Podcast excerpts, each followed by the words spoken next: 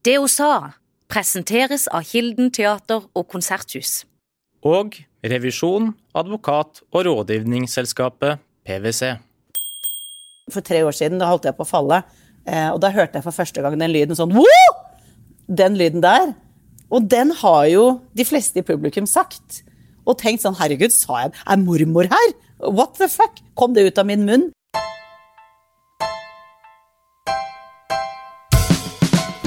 Dora Thorhalsdottir kommer fra Island, har tatt lærerutdanning i Kristiansand og jobber som standup-komiker, familieterapeut, journalist og foredragsholder.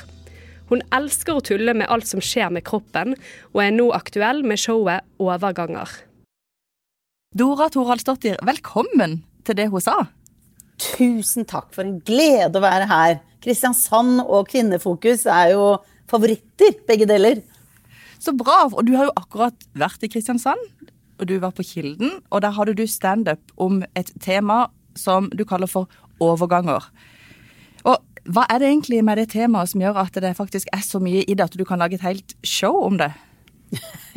Tenk at ingen har tatt det temaet før. Det er det jeg tenker oftest. Fordi jeg har et sånn eh, hovedfokus på overgangsalder. Det er liksom eh, dit jeg skal. Men så er jeg innom andre overganger i livet, f.eks. fra barn til tenåring, og, og, den tiden vi levde i, sånn tekniske ting f.eks. Eh, så det er disse overgangene. Det er så mye å si om det å bli eldre. Og overgangsalder er et sånn helt urørt tema. Det er ingen som har lagd standup om det, det er ingen som snakker om det, det er ingen som kan noe om det. Så det var et veldig Det føltes egentlig som å finne en brønn i en ørken eh, og bare rope ut 'hei, se hva jeg fant', som alle har gått forbi. Men drivkraften din, er den å spre informasjon, at nå skal folk virkelig få rede på noe de trenger å vite noe om, eller er det bare å underholde? Det er begge deler. fordi det som var at Jeg visste at jeg skulle ha premiere i 2021, og jeg vet ikke hvorfor jeg tenkte Hvor gammel er jeg da? Eh, men det tenkte jeg. Og så tenkte jeg ja, da er jeg 48. Og så skvatt jeg. For 48 har for meg vært et litt skummelt tall, for mamma kom i overgangsalderen da hun var 48. Og så tenkte jeg ja, da er jeg sikkert i overgangsalderen nå. Og så plutselig slo det meg hva fader er det for noe? Er det hetetokter i tre måneder, og det er det? Eller hva, hva er overgangsalderen? Altså, jeg vet Da var jeg ett år unna.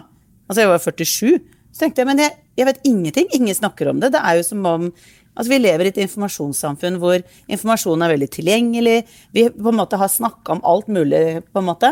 Men så er det ett tema som ligger helt urørt år etter år, og det er overgangsalderen. Og da kan du godt google symptomer og få en liste, men hvordan føles det? Hvordan er det? Hvor lenge varer det? Hvordan er, altså, hvordan er opplevelsen av det? Hva er vanlig? Det syns jeg var helt fraværende. Og det høres jo kjedelig ut med en gang man skal lære noe på et show, men hvis man tuller med symptomene, og symptomene står på en skjerm, så får du med deg symptomene, men da får du det inn på en litt humoristisk måte. Jeg var på tur i helga sammen med ei venninne som hadde vært på showet ditt. Hun dro rett fra showet og ut på tur. Og hun var så full av alt det du hadde fortalt, så vi fikk en sånn, eh, sånn dryppvis forelesning gjennom helga. om overgangsalderen. jeg vet ikke om jeg skal synes synd på deg eller eh, si gratulerer, eller hva jeg skal gjøre. Men det var liksom sånn uansett hva vi gjorde, om vi hadde glemt et eller annet eller snubla eller noe, så var det bare det er overgangsalderen. Men, men, ehm, men, hva er det du har funnet ut i den fasen hvor du liksom har eh, dypdykka i denne, i denne overgangen? Ja. Jeg tror det jeg har, altså Nå har jeg faktisk en podkast også som heter Hetebølgen, hvor jeg snakker med både de som er i overgangsalderen og eh, eksperter på området. Sånn at Én eh, ting er de jeg har snakket med, men når jeg har snakket med både eksperter som gynekologer, sexolog, leger, de som virkelig har snakket med mange, mange, mange hundre, kanskje tusenvis av kvinner, så vil jeg si at det som jeg har vært overraska over, og som jeg har fått bekreftet av disse som kan dette her og har jobbet med overgangsalder i årevis, er eh, denne, den psykiske delen av det. Og hvor mange kvinner som sier 'jeg kjenner ikke meg selv igjen'. Den syns jeg kanskje er den såreste og, og overraska meg mest. For hetetokter har vi hørt om. Vektøkning, eh, dårligere konsentrasjon eller hjernetåke. At det er, og søvnproblemer, nattesvette. Det er veldig konkrete ting. Men nedstemthet, mer angst, mer bekymring, mer sårhet, mer at du tar deg nær av ting, mer at du går litt ned i humøret og har en eller annen sånn trist undertone, det har overraska meg hvor mange som snakker om, og som ikke er allment kjent. Og nå har jo jeg utrolig nok ikke kommet ordentlig i gang med overgangsalderen. Det var jo motivasjonen min for showet. Nå er jeg blitt 49, så jeg driver helt tenker sånn Jeg har hatt én hetetokk, det var 25. mars, og det har ikke kommet noe etter det. Og jeg var helt sånn Nå er vi i gang! Det, var, det er litt som å være 11 år og Å, nå får jeg mensen. Nei, det får jeg ikke helt ennå. Eh, da må jeg vente et par år til, tydeligvis. Men, så jeg var litt sånn gira, for jeg tenkte nå settes ting i gang her. Men eh, Så jeg har ikke kommet ordentlig i gang med overgangsalderen, og derfor kan jeg ikke snakke av erfaring på at denne nedstemtheten kommer, men det snakker veldig mange som er der, om. Og det at jeg var gladere eller jeg var i bedre humør. Jeg, dette her er ikke helt meg, og, og miste helt fatningen fordi at noen eh, kommer med en liten kommentar om at jeg kunne ha gjort det litt bedre sånn og sånn på jobb. Jeg pleide å kunne takle tilbakemeldinger. Nå rakner det for meg. Eh, det, den siden var veldig overraskende for meg. Men dette er jo ting som umiddelbart gjør at man blir litt bekymra og litt redd, og kanskje gruer mm. seg. Eh, kan du si noe basert på alt det du har funnet ut, som kan gi litt håp? Altså, er, det noe, er det noe som virker? Er det noe som, det noe som blir bedre òg? Ja, det som jeg syns, og nå blir jeg veldig sånn i, i, kampmodus for å få fram at hormonterapi, eller østrogen, det å få eh, hjelp med hormoner, er noe jeg hører fra alle hold at hjelper enormt mye. Det fins de som ikke får sove om natta, som svetter gjennom hele natta, som ikke klarer å tenke klart, som er dritulykkelige, og så får de hormonhjelp. Eh, og så blir livet mye bedre, og søvnkvaliteten blir bedre, og mindre hetetokter, og de får helt annen livskvalitet. Og det jeg syns er veldig trist, er at i 2002 så var det en undersøkelse som påsto at eh, hvis du tok eh, hormonterapi eller østrogen, så fikk du brystkreft. Eh, og det er 20 år siden den undersøkelsen. Og de har gått igjennom den undersøkelsen. Og de, de, ga jo hormoner til kvinner over 65 i den undersøkelsen, som var jo langt forbi overgangsalderen.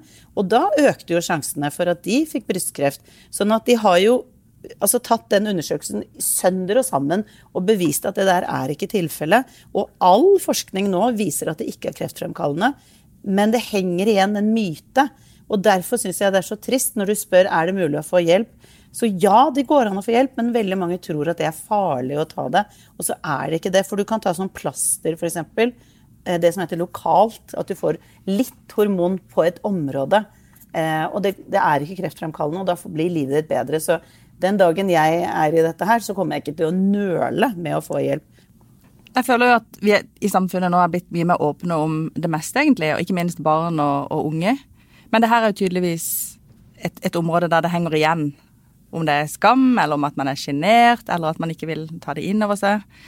Ehm, hva, hva, tror du er grunnen til at det fremdeles er vanskelig å snakke om overgangsalder? Jeg tror det skyldes to ting. Det er min subjektive mening. Eh, det ene det er at symptomene er utrolig usexy. Det er veldig kjipe ting. Det er ingenting på den lista hvor du tenker sånn Å, takk og lov! Det skjer i hvert fall. Og den andre grunnen er at det er en veldig stor erkjennelse av å bli eldre. For med en gang du ikke er fruktbar lenger, så fra gammelt av så er jo verdien din litt mindre. Er måte, nå er du brukt, eh, brukt opp, på en måte. Så vi forbinder jo veldig mye det med eldre med negativitet, dessverre. Det er noe med å tørre å kalle en spade for en spade. At veldig mange syns det er kjipt å bli eldre fordi at eh, vi forherliger veldig mye det unge. Det er det som Du er vakrest når du er ung, ikke sant? Og i reklame og alt som er, så liksom dyttes alle de unge fjesene som ikke har rynker og ikke synlig levd liv i fjeset. Men så samtidig så viser jo forskning at etter 50 så er du mye lykkeligere. For da bryr du deg ikke så mye om hva andre syns. Eh, du har bedre økonomi, du har landet litt i livet, du har en indre ro på at du er bra nok som du er, i større grad enn de unge. Så det er noe veldig selvmotsigende at vi har en sånn ungdomsfokus samtidig, som forherligelse av ungdomstid. Men så har vi det faktisk best når vi er eldre. Men det er ikke bare overgangsalder du snakker om i showet ditt. Det er andre Nei. overganger med kroppen og, og, i livet også. Men når du kommer inn på, på scenen, som f.eks. i Kilden da, i Kristiansand, så sitter det en, en stor forsamling med mennesker mm. som er ute for å, for å ha det gøy, for å more seg og kose seg. Hvordan klarer du å få de til å le av ting som egentlig er litt sånn kjipe? det som er hele nøkkelen i showet, er gjenkjennelse. Det at folk tenker 'det der er livet mitt', ja, sånn er det. Når jeg snakker om øyebryn, jeg vet ikke helt hva jeg skal gjøre engang. Folk driver og ordner og stresser så mye med det. Så tenker jeg sånn, hva, hva jeg, Åssen gjør jeg det? Så tror jeg mange har kjent på den samme usikkerheten. Og når synet blir dårligere, og du ikke finner brillene dine, og når du endelig finner de, så tenker du hva, hva var det jeg skulle lese for noe? At du begynner å glemme så er det mange, også liksom disse hårene rundt munnen som bare plutselig begynner å komme, og som du stresser med, fordi at de vokser jo i et helt forrykende tempo. Du går og legger deg, og alt er greit, så står du opp dagen etter, så er det to stykker som er, har bare skutt fart. Og det snakker jo ingen om. Men det at jeg sier det på scenen, så er det så mange som på en måte nikker litt gjenkjennende og er litt sånn Ja, herregud, det har jeg også tenkt. Hvordan den derre farta de hårene har når de først eh, bestemmer seg for å komme, det er liksom bare noe helt annet enn alt det andre. Eh, så sånn at det er gjenkjennelse tvers igjennom showet som gjør at folk ler. At de tenker at Når jeg sier at jeg, når jeg begynte for tre år siden, da holdt jeg på å falle. Eh, og da hørte jeg for første gang den lyden sånn Woo! Den lyden der. Og den har jo de fleste i publikum sagt. Og tenkt sånn Herregud, sa jeg Er mormor her? What the fuck? Kom det ut av min munn? Så er det gjennom liksom, Når jeg går gjennom hele kroppen, så tror jeg veldig mange kjenner igjen det jeg snakker om, eh, på sitt eget liv. Og så lever vi på en måte litt sammen av både skavanker og aldring, og at ting ikke ble like kult som du kanskje hadde tenkt. og den der kule magetoppen du kjøpte på Ibiza i 1998, den kommer du aldri til å kle igjen. det er bare noe med å innse det. du Kommer det noen menn på, på, disse showene? Ja, det er alltid noen få, og de får jo kjørt seg litt. Jeg tar jo alltid en mann som sitter i nærheten av første rad. Eh, de er veldig ofte ufri... Jeg spør er du her frivillig, og da veldig mange sier faktisk nei de er det, liksom. De håper at det blir noe på dem, siden de er så greie med å bli med. Har du fått noen tilbakemeldinger på om det virker? Eller? Ja, vet du, Det jeg syns er så fascinerende med veldig mange menn, er at de ikke hører hva de faktisk sier. For det som de sier veldig ofte, og dette har skjedd gjentatte ganger når jeg kommer ut, og så treffer jeg kanskje en som har sett showet, og så sier han i fullt alvor Du, det må jeg si, det var veldig gøy, for jeg hadde så lave forventninger. og da, det, da sier han Det er egentlig som å blir slått i ansiktet og få en gave samtidig. fordi at egentlig sier han at 'jeg hadde lave forventninger, for du er dame', så da tenkte jeg ikke dette ble så gøy. Men så var det gøy likevel. Akkurat sånn genuint overraska. Og så ble jeg så fascinert av Det er jo ingen dame som sier sånne ting. Men, eh, men det, og da mener han det som et kjempekompliment. Da, at han hadde så lave forventninger, og de innfridde jeg. Yay! men du, har, har menn noen form for overgangsalder? Er det noen som har sagt noe ja. til deg om det? Ja, ja, og det tar jeg litt for meg i showet. At de har ikke overgangsalder som er på samme måte, fordi at de har en gradvis sant? At de, de eldes gradvis i større Vi får litt mer nei, bam, der var hormonene helt ute å sykle. Mens det som skjer hos menn, er at testosteronet gradvis går ned. Og da setter de seg på en måte i sofaen og blir der. Fordi at eh, testosteron er et kjønnshormon som har med aggresjon og handlekraft å gjøre. Så når det går ned, så blir de mer tiltaksløse og slappere. Eh, så eh, og så blir de også, Når testosteronet går ned, så blir de mer emosjonelle. Det er derfor veldig mange bestefedre sitter og tørker tårer. Fordi lille Tobias kom med denne lille tegningen her, og den var så fin! Og så sitter kona ved siden av, og østrogenet har gått ned hos henne, så hun er mindre følsom. Er ikke det interessant? At vi bytter litt plass. Sånn at i voksenlivet så er det på en måte kvinnene som er litt sånn de følsomme veldig i mange år. ikke sant? Det er vi vant til, og mennene blir liksom ikke så påvirket på samme måte, da, sånn emosjonelt.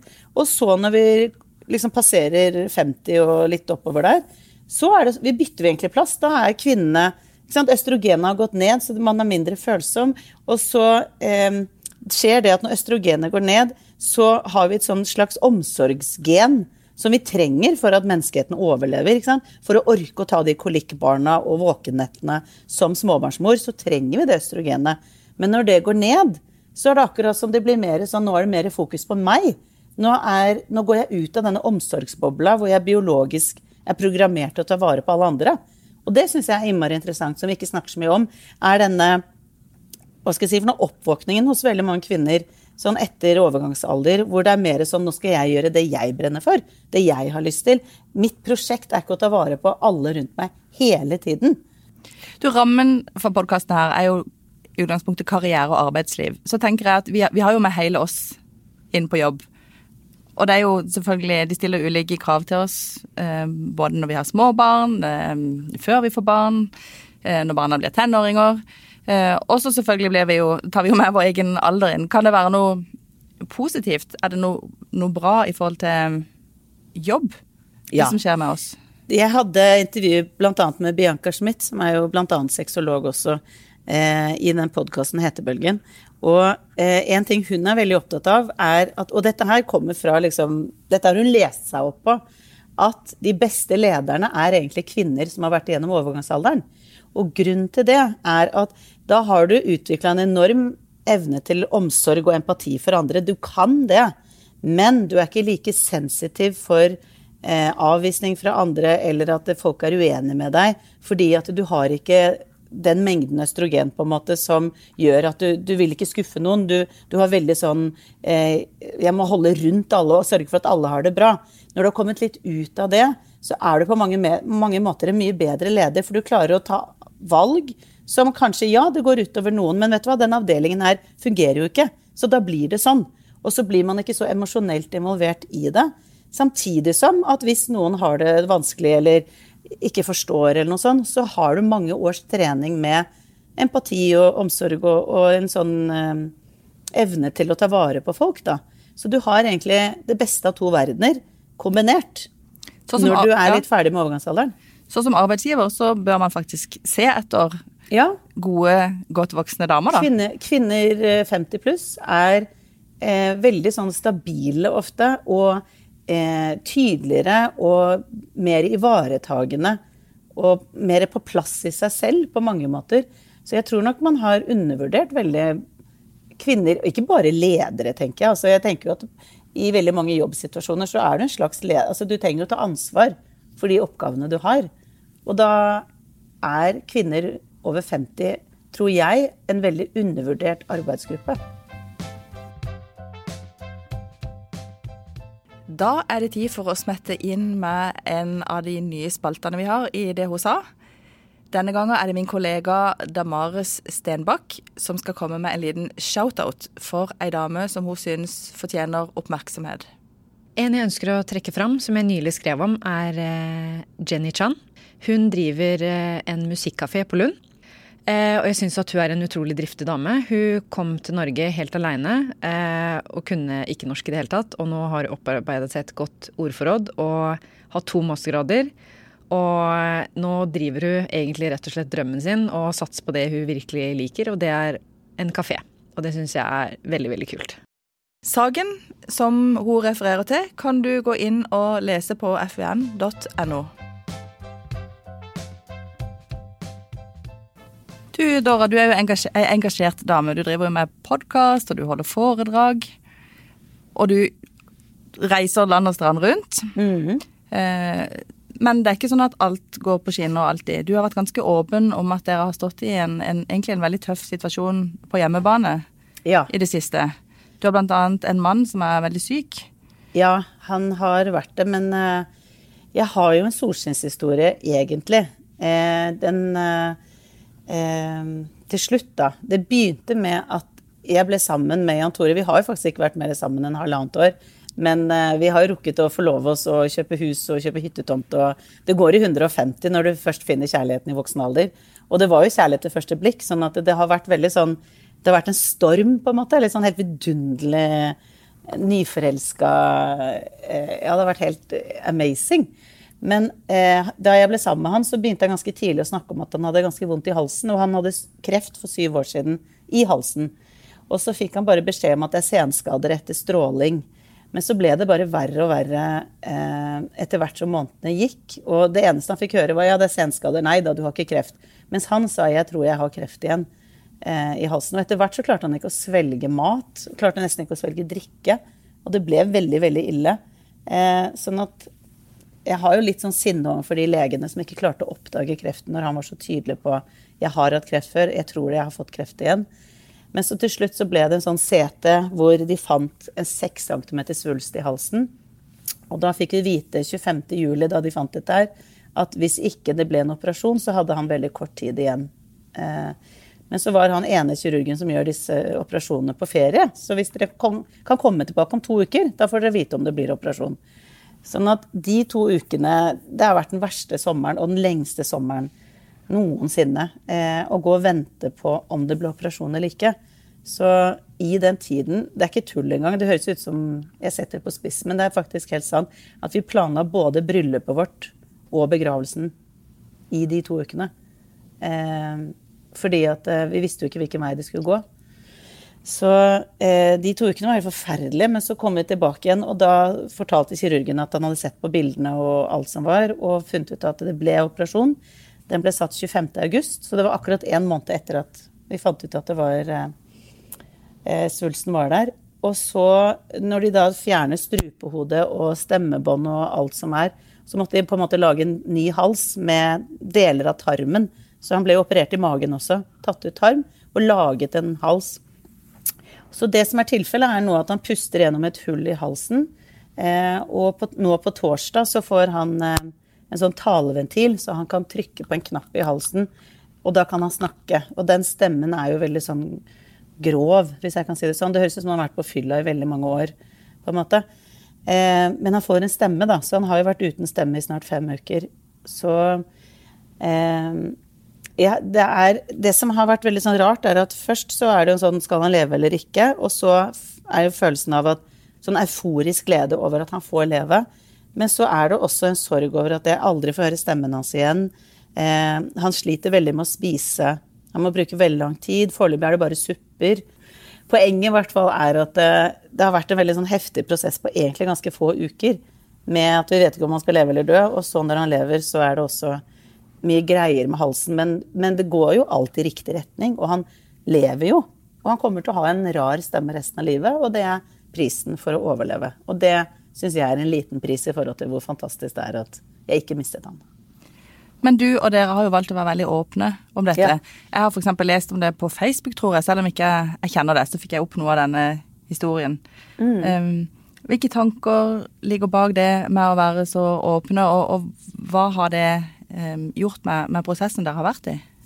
Du, det har vært en veldig bevisst eh, prosess. Og grunnen til det er at uh, Jan Tore fikk da kreft eh, for syv år siden. Og på den tiden så gjorde han det veldig mange menn gjør som er å tenke dette skal jeg klare selv. Jeg skal ikke være en som klager, og en som eh, snakker så mye om mine greier. Så han holdt dette egentlig ganske hemmelig. Han jobba fulltid, det er jo helt vilt. Han hadde medarbeidersamtaler mens han fikk cellegift og satt med laptop i fanget og fikk stråling, eller etter stråling og operasjon og cellegift og i det hele tatt. Eh, så han jobba faktisk mens dette pågikk, og var ikke så åpen. Folk hørte litt om at han hadde kreft, men siden han ikke snakka om det, så snakka ikke andre om det. Som ble en veldig ensom prosess. Eh, og han bestemte etter det at det der skal jeg aldri utsette meg selv for igjen. Å være så alene fordi jeg ikke åpner opp. Og så visste jo ikke han at syv år senere skulle han få kreft, men da var det ingen tvil om at denne gangen så ville jeg at alle rundt meg vet det. Og ikke visste vi at det ble såpass hva skal jeg si for noe spredt utover, men, men, det gjør ingenting. fordi vi snakker jo egentlig veldig lite om kreft i forhold til at 40% av oss får en kreftdiagnose i løpet av livet. Det er jo nesten annenhver person. Og jeg har vært veldig forundra over at mange har satt pris på at vi er åpne, for jeg syns det er helt innlysende å være åpne. For hva skal vi liksom gjemme oss da, eller skamme oss, eller, eller hva Altså, ja. Så jeg er veldig tilhenger av åpenhet, for da vet alle rundt. Og så normaliserer vi det litt, og så blir det ikke så skummelt. Fordi veldig mange med kreft opplever jo at andre skygger banen og går en annen vei over Hvis du ser dem i butikken, så plutselig later de som om de ikke ser deg. Og, og det blir en sånn derre Å, jeg vet ikke hva jeg skal si. Mens det som er jeg tror Jan Tores store drivkraft med å være så åpen, er å si at det du snakket med meg om før, fortsett med å gjøre det ikke endre Vi trenger ikke å endre samtaletemaet. Jeg er ikke blitt en annen. Bare behandle meg som vanlig. Det er jo som om folk med kreft ikke Du må ikke ha humor i nærheten av dem eller tulle med noen som har kreft. Men det er jo det de vil. Det er normalitet. Det er i hvert fall det jeg har hørt fra alle som har vært i det òg. Har du noen strategier eller noe du har lært deg som gjør at du kan klare å på en måte switche over fra det der ganske tøffe du har stått i gjennom sommeren. Du sa det har vært noen uker som har vært helt grusomme. Eh, og så skal du inn på en scene og så skal du på en måte ha fullt fokus på det og klare å overføre noe energi til de som sitter der. Eh, Har du noen, har du noen redskaper du bruker som, som virker da? Du, jeg hadde jo en veldig surrealistisk opplevelse, fordi at jeg bodde jo på Rikshospitalet de to ukene etter operasjonen. Så bodde jeg hos Jan Tore hver natt og var der hele tiden. Og så en uke etter operasjonen så var jo da showet i gang igjen. Så jeg tok da trikk, for det er så håpløst med parkering i Oslo, som sikkert mange vet. Så tok jeg trikk 14 minutter fra Rikshospitalet til Altså ned til ved Nationaltheatret, til eh, der hvor Chat Noir er. Og da dro jeg fra kreftsyke barn, veldig triste foreldre, triste voksne, mennesker som alle går i pysj og har det utrolig tøft og vanskelig, eh, og er virkelig alvorlig syke. Og så drar jeg ned og går inn på teater hvor det er jippi, nå er det fredag, nå er det show, så gøy at vi skal ut. Folk som har pynta seg, har et glass champagne i hånden. Det er, det er totalt motsatt verdener, på en måte. Og jeg syns det var noe veldig deilig med det. Fordi at det, her er jo livet. Og det andre er jo selvfølgelig livet, det òg, selvfølgelig, med sykdom og livets alvor. Men det var akkurat som å ta en pause fra alvoret og gå inn i bare noe som er tull og tøys. Og jeg tror min sånn strategi for å komme gjennom den perioden her, har vært veldig mye å ventilere. For nå er jeg jo terapeut, jeg har vært det snart i 17 år. Så jeg vet at når du setter ord på åssen du har det, så får du det bedre.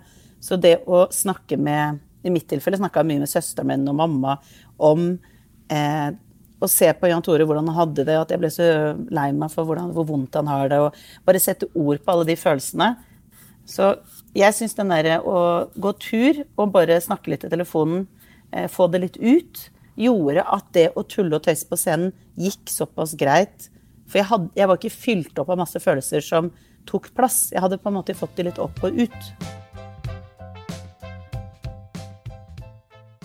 Er der i din karriere noe rød tråd? For du har gjort mye forskjellig, ikke sant? Du har lagd podkaster, du har jobba eh, med terapi. Eh, Ja. Du er egentlig lærerutdanna fra Kristiansand. Ja, jeg Ja. gikk på, på HIA, heter det. Ja, HIA heter det før. Nå, nå er det Bor universitetet. Ja, nå der bor Ja. jeg òg. Å ja. Så Nei, um, jeg eh, Åh, nei, nå begynte jeg å tenke på Kristiansand. Jeg elsket å bo i Kristiansand. Virkelig, altså. Så jeg sa det jo når jeg kom på scenen, at det er deilig å komme hjem igjen. Men hva var det du likte med Kristiansand, da, før vi tar den røde tråden? Eh, før vi tar den røde tråden, så kan jeg si at det jeg likte så godt, er jeg sa det, altså Det høres negativt ut, men jeg sa den slappe stemningen som er Og det det handler om, er at det er en sånn eh, ro og litt mer en sånn laid-back følelse. Og jeg, selvfølgelig har det mye med dialekten å gjøre. at akkurat som dere, litt, dere snakker litt roligere, på en måte, eller har en sånn Det er mykere konsonanter og sånn. Så det er noe sånn veldig sånn Ja, rolig er liksom Det er sånn behagelighet. Det er ikke noe krast. Det er ikke noe for bergensk og nordland sånn, Kom igjen og der, der. At det er litt sånn skjerp deg-måte å snakke på. Mens på Sørlandet så er det mer sånn Ja, ja, skal vi ta litt av pølse? Altså, det er bare et eller annet veldig Jeg liker det. Jeg får indre ro og harmoni og føler at alle går og halvveis mediterer bare ved å være i området. Men dette er jo et godt utgangspunkt for en podkast. Ja. Nei, det er helt nydelig. Men, men du spurte om rød tråd, og eh, Ja, for du ble jo aldri lærer. Nei, jeg ble ikke lærer, og det var rett og slett fordi at vi kunne velge hvilket som helst fag som siste året på lærerskolen, og da valgte jeg media og grunnfag i Kristiansand. Og mens jeg gikk på media, så tenkte jeg åh, det er jo journalist jeg har lyst til å bli. Det tror jeg òg, og fikk samme refleksjon. Ja, du gjorde det! Det er veldig morsomt. Med Roald. da, ja, Roald! Nei, men i alle! Har vi så lik historie? Veldig, Ja, veldig vittig, ja. Nei, det var det som skjedde. at I løpet av det media- og grunnfagåret så tenkte jeg det er ikke lærer, det er media. Og, og eh, jeg var veldig fascinert av radio, f.eks. Og jeg syntes det var gøy med foto også, men, men jeg syns egentlig radio var, var jeg helt sånn, ble helt sånn sugd inn i. Eh, og har jobba i P4 og, og gjort for, Det som er at jeg har gjort veldig mye forskjellig, eh, og gjør veldig mye forskjellig. Og så var det en som sa til meg da jeg var egentlig ganske nyutdanna lærer og begynte med standup og Nei, journalist, mener jeg. Og så begynte jeg med, med standup. Og så etter hvert så tok jeg familieterapi og begynte med litt sånn terapi og foredrag og, og sånn. Og starta det som heter EQ-institutt. Men i hvert fall så, så snakket jeg med en medierådgiver. Jeg, var, jeg følte jeg drev med veldig mye forskjellig. Og så, Det var på en fest, og så sier jeg til henne at eh, jeg føler at jeg må ta et valg. Skal jeg være hun gøye og bare tulle og tøyse, eller skal jeg være litt ordentlig? Og så sa hun du trenger ikke å velge en av de, men det du trenger å velge, er et overordna mål på hva du driver med. Og da ble det veldig tydelig for meg at mitt prosjekt, mitt overordna prosjekt, det er å hjelpe norske kvinner til å like seg selv mer. Få bedre selvfølelse. Sånn at i terapi og i podkast og i foredrag og i standup og det der senteret jeg driver, hvor vi utdanner terapeuter, så er det overordna hvordan du møter deg selv med, med respekt og kjærlighet. Det er dit jeg vil. Og alt jeg gjør, har egentlig noe med det å gjøre. Så nå skal jeg spørre om noe som sikkert ikke går an å svare enkelt på. Men hvordan kan man snakke til seg sjøl, eller hvordan kan man ta tak i seg selv for å få det bedre og få bedre selvfølelse? Går det an å gi et, et enkelt råd på et så komplisert spørsmål? Det er, det, er, det todelt. Det ene det er at eh, den historien du drar med deg, har enormt mye å si. Oppveksten din. Så hvis jeg kan ta fortid først, så er det å bearbeide din historie, ting du har opplevd som ikke har vært godt Hvis du har blitt møtt med mye kritikk, følt deg mye feil, ikke bra nok, så vil det også prege alle valgene dine. Alle valgene dine er i samsvar med hva du har lært om din egen verdi. Sånn at å begynne litt med fortid, og gjerne bearbeide, gjerne i terapi, eh, med hvilke sannheter er det jeg har lært om meg selv. For veldig mange tror at mine meninger betyr ikke så mye, eller hva jeg tenker og føler og mener er ikke så viktig, fordi de hadde omsorgspersoner som ikke så dem, eller ikke hadde plass til dem, rett og slett. De hadde nok med seg selv, kanskje. Og så er det nåtid, og da er jeg veldig opptatt av hvordan din indre dialog er. Og være litt bevisst på hva sier jeg til meg selv for det går an å knipse, vifte, si nei, jeg vil ikke ha dette her. Jeg gjør så godt jeg kan. Og trene seg til å snakke vennligere til seg selv. Fordi veldig mange reiser gjennom livet med bedritent reisefølge som bare kritiserer, fremfor en som heier og støtter og, og er kjærlig og snill. Eh, og du kan ha det reisefølget med deg, men du trenger først å bli bevisst på hvem er det jeg reiser med nå? Og hvem vil jeg ha med meg? Vil jeg ha den stemmen som bare hakker og leter etter feil? Eller vil jeg være forståelsesfull og tenke jeg gjør så godt jeg kan, jeg har lov til å være meg. Ok, så gikk det ikke helt veien, men neste gang, da har jeg lært. At, å være litt bevisst på den indre dialogen, det har jeg også utrolig stor uh, tro på. Alle gjester som er med i det hun sa, de blir bedt om å fremsnakke en annen dame. Ja. Som de syns fortjener litt oppmerksomhet. Hvem har du lyst til å fremsnakke? Du, det er jo hvis jeg skal ta eh, en som var viktig for meg, det høres sikkert rart ut, dette her, men Oprah Winfrey var for meg en kjempestor rollemodell da jeg var veldig sånn i starten av hvilken retning jeg skulle gå. Og grunnen til det er at eh, hun gjorde ting selv. Hun lagde sitt eget produksjonsselskap som het Harpo, og det er jo navnet hennes baklengs. Eh, og at hun eide produksjonsselskapet som hun lagde showet i. Jeg likte så godt at hun, hun var ikke bare et brikke i et spill med noen andre, gjerne mannlige sjefer, men hun styrte hele greia selv. Og hun jobbet intenst og mye, og så hadde hun lange ferier. Eh, og, bare, og tjente dritbra og sånn. Og var innmari god til å få folk til å åpne seg. Der, der var jeg veldig fascinert av at hun fikk kjente personer som egentlig var ganske tilkneppa til å fortelle de mest private, personlige ting. Men det var jo for at hun bøy på seg selv også, ikke sant. Så jeg var veldig sånn Jeg så jo Jeg så på Opera da jeg ammet både første og andre barnet mitt, for det gikk på TV3 da. Sånn at det, det, da hadde det mye å si for meg og veien videre med å tro på seg og sine prosjekter. Og nå setter jeg opp showene selv. Jeg driver mitt eget firma. Det er ingen som styrer noen ting i mitt Det er bare jeg som sitter og bestemmer. Så jeg har på en måte fått til egentlig litt det jeg beundret så mye hos henne òg. Jeg styrer foredrag, jeg, jeg, bestemmer alt jeg gjør, og det er bare jeg som er min egen sjef. Hvor godt er det? nei, det er helt Jeg tror jeg aldri kunne gått tilbake til noe eh, Å ha en som bestemmer og sier at det på tirsdag så er det sånn og sånn. Det er jeg som styrer det. og jeg jobber jo masse, det er jo ikke det at jeg skal ha fri hele tida. Det er en del ord og uttrykk som jeg vet at du fra scenen sier at du har lyst til å, å, kvitte deg med, eller at du ikke liker. Og, og, det passer egentlig ganske godt, fordi at eh, det er noe av det vi ber gjestene våre om å eh, ta opp her. Og ta opp ord som de egentlig bare har lyst til å stryke fra språket, som ikke de liker.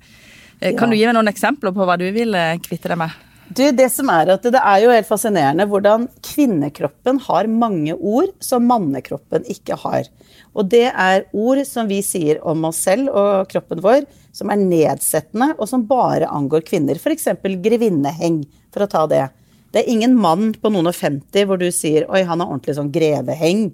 Du sier jo ikke det, ikke sant? Det er bare grevinneheng. Og vi kaller det kalkunhals. Menn kaller jo ikke det for det. Og vi kaller det for muffinmage, ikke sant, når, har, når det er litt mage. Og menn, de kan ha mage. Litt ekstra mage. Men det er det. Men de har ikke de ordene som jeg syns er så stygge. Det er muffinmage, og så er det ridebukselår og eh, kalkunhals, som sagt. Og så er det eh, appelsinhud, selvfølgelig. Det er bare et eller annet med at vi, vi tar eh, det å bli eldre og tegn på at du blir eldre, og så lager vi egne ord. Og alle de ordene er liksom nedstettende og litt sånn nedrige. Litt sånn dårlig Altså grevinneheng, da, hvis vi bare holder oss til det. Det er utelukkende negativt. Og jeg har så lyst til at vi, Hvis vi kunne bare ta det ut av vokabularet og bare bruke en arm som isteden. Det, det er en arm. Ja, den er ikke like eh, sterk som den kanskje en gang var, men det er bare meg som ble eldre. Det er, that's it. Men hvis du hører noen si det, da? Eh, svarer du det da og sier nei, vet du hva, det der kan du bare blåse i og si? Eh, det kommer litt an på hvem som sier det, da. For hvis det er en jeg ikke kjenner, så tenker jeg at eh, det kan oppleves veldig sånn som kritikk. Men hvis noen rundt meg som kjenner meg, så sier jeg sånn Nei, nei, nei. Jeg vil ikke at vi snakker oss selv ned. Jeg vil at vi snakker om oss selv med respekt. For hvis vi snakker om oss selv med respekt, så ser døtrene våre på oss, og så eh, lærer de. Fordi at når du ser deg i speilet og sier sånn Å, se, nå begynner mamma å bli gammel. Se, poser under øynene her, og, og nå ser jeg ut som eh, Ikke sant? Og så sier nedsettende ting. Så ser barnet på deg og tenker sånn Ja, sånn snakker man om seg selv.